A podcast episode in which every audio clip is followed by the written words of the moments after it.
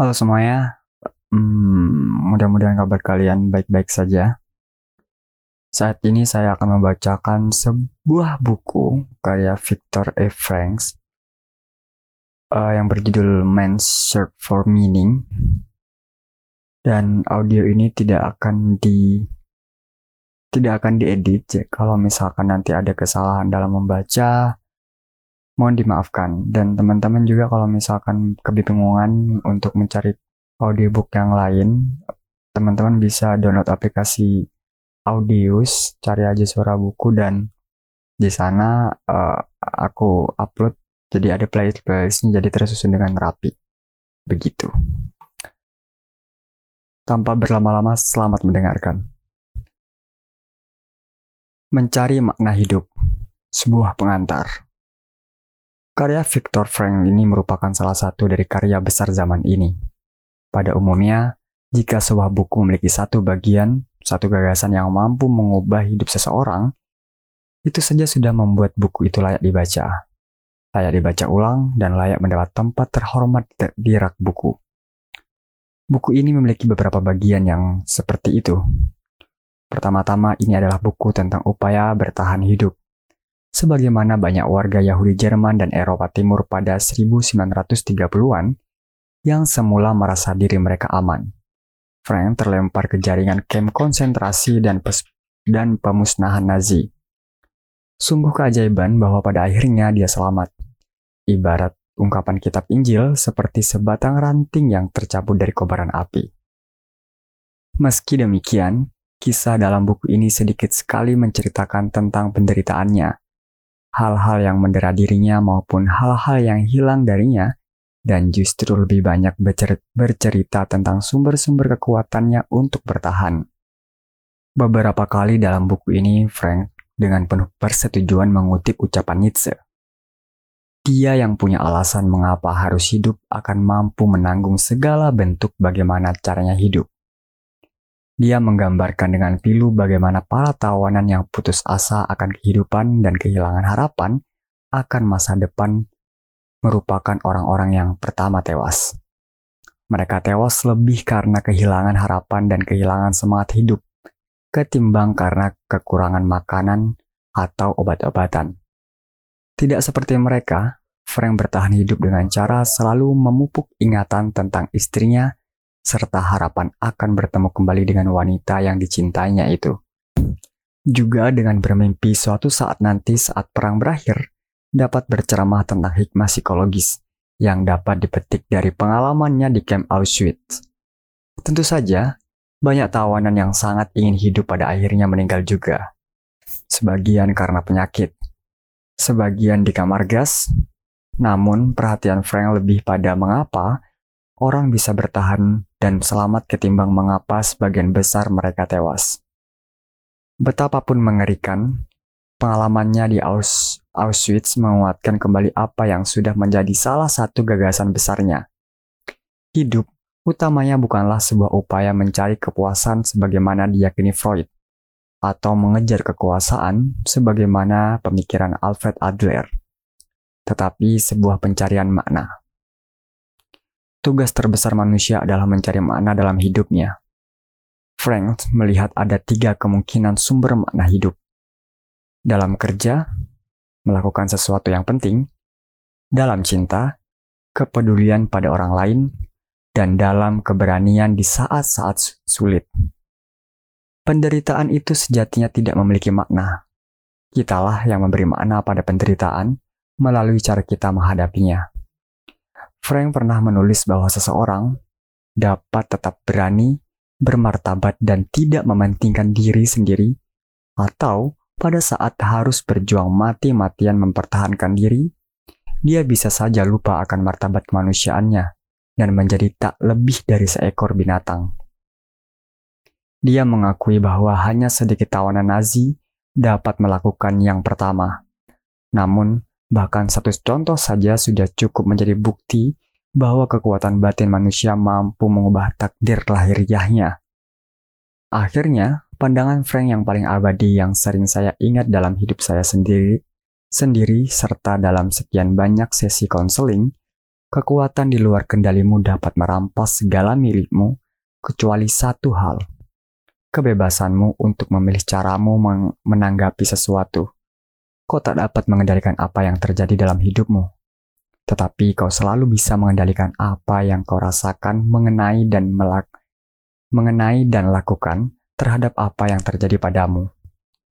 Ada satu adegan dalam drama Arthur Miller, Insiden at VC, saat seorang pria profesional kelas menengah kelas menengah atas menghadap perwira Nazi yang telah menduduki kotanya. Dan pria itu memperlihatkan kredensialnya. Semua ijazah kesarjanaannya, surat referensi dari tokoh masyarakat terkemuka, dan lain-lain. Sang perwira Nazi bertanya, itu, itu sajakah yang kau punya? Si, si pria mengangguk.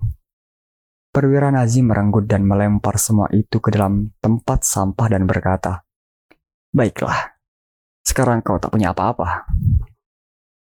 Pria itu yang harga dirinya selalu bergantung pada penghormatan dari orang lain menjadi hancur hatinya. Frank pasti akan berkilah bahwa kita tak akan pernah tak memiliki apa-apa selama kita mempertahankan kebebasan untuk memilih cara kita menanggapi suatu keadaan.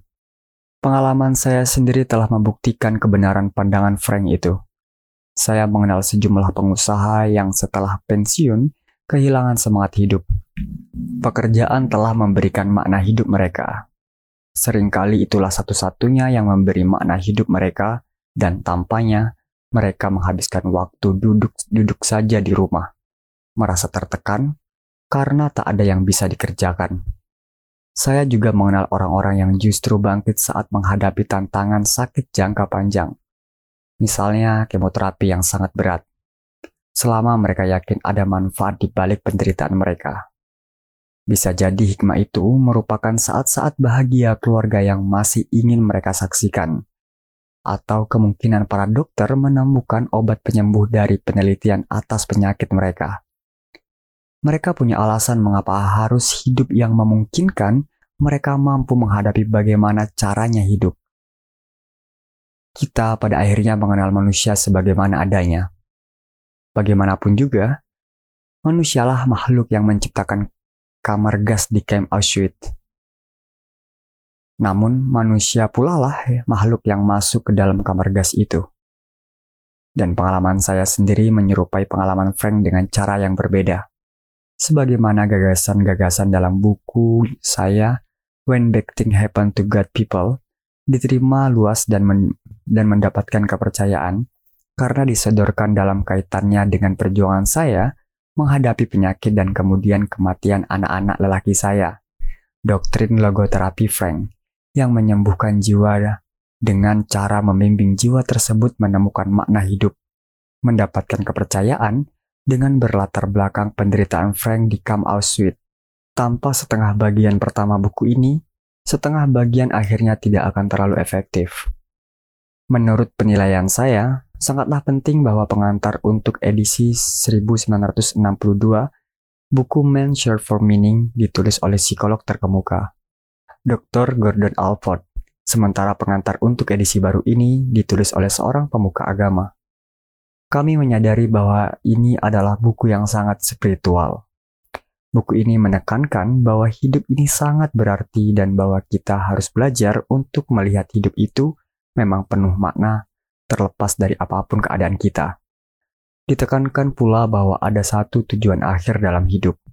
Dan dalam edisi pertama, sebelum ditambahkan catatan akhir, buku ini ditutup dengan salah satu kalimat paling religius yang pernah ditulis pada abad ke-20 kita pada akhirnya mengenal manusia sebagaimana adanya. Bagaimanapun juga, manusialah makhluk yang menciptakan kamar gas di Camp Auschwitz.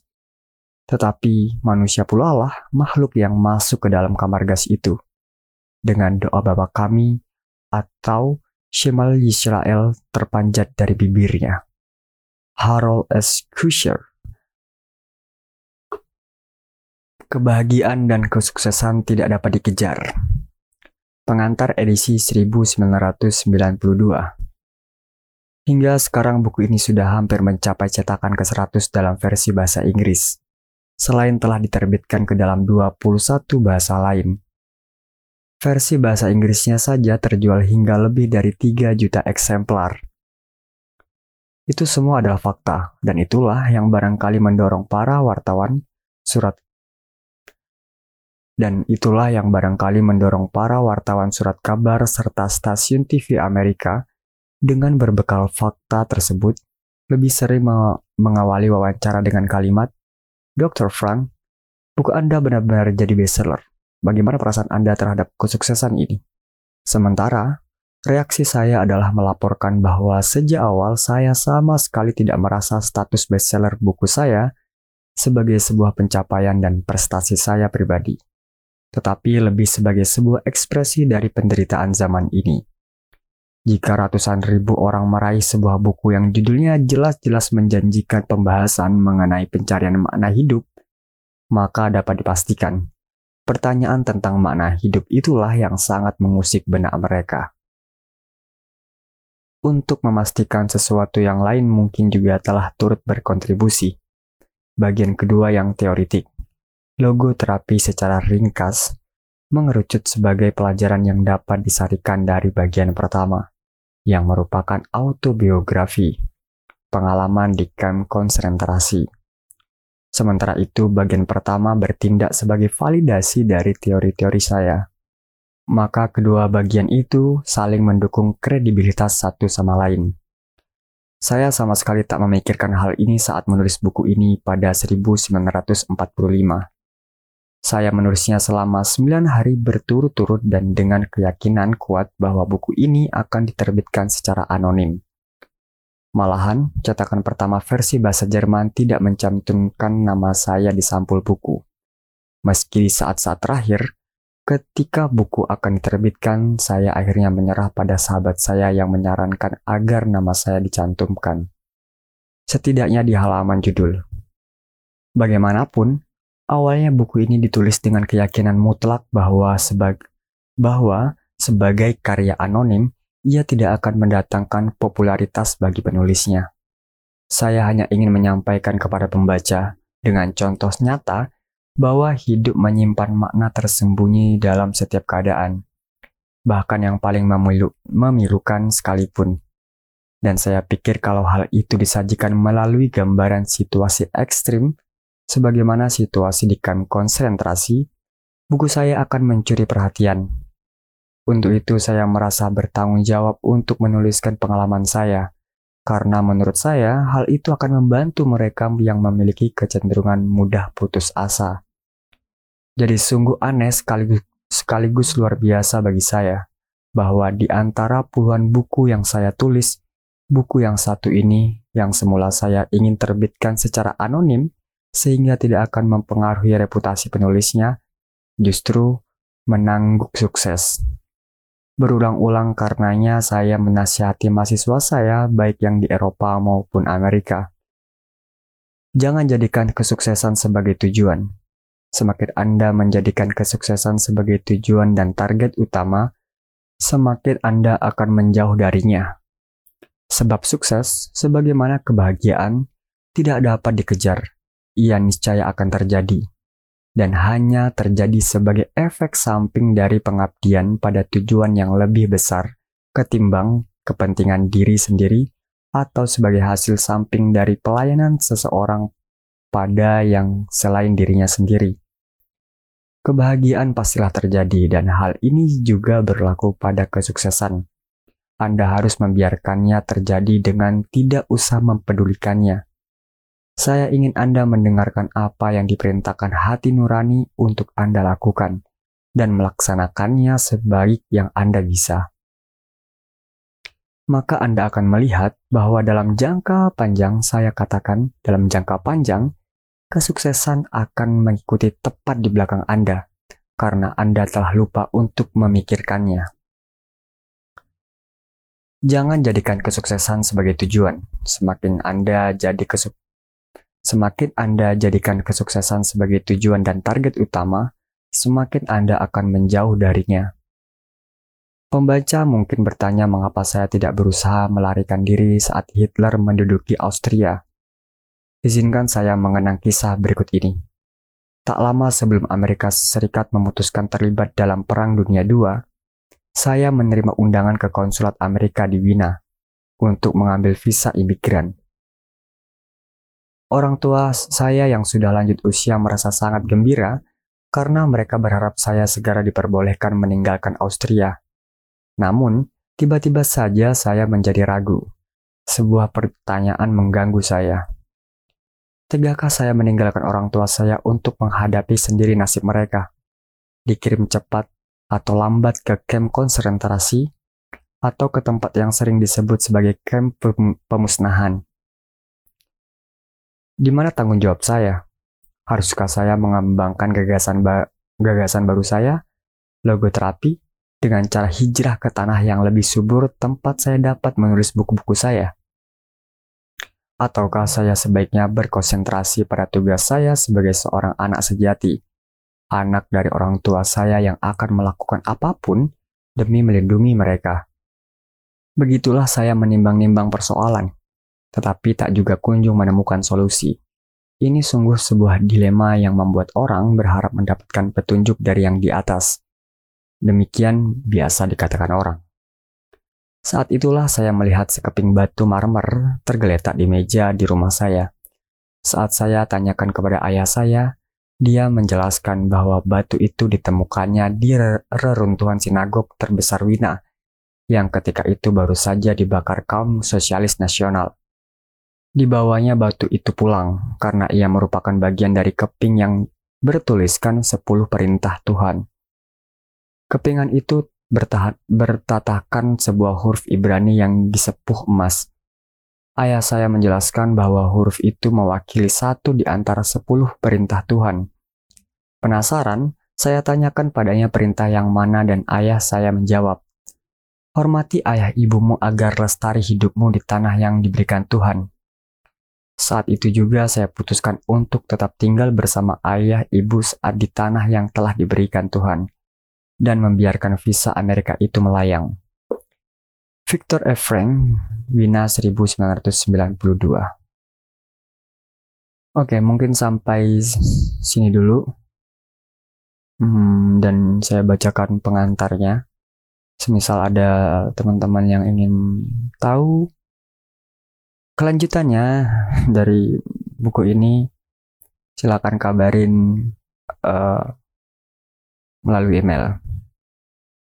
Karena saya belum rekod juga dan sebenarnya udah ada yang udah ada yang aku rekod buku dan mungkin akan aku unggah. Cuman kalau misalkan uh, teman-teman penasaran isi bukunya nanti saya bacakan. Sampai sini dulu.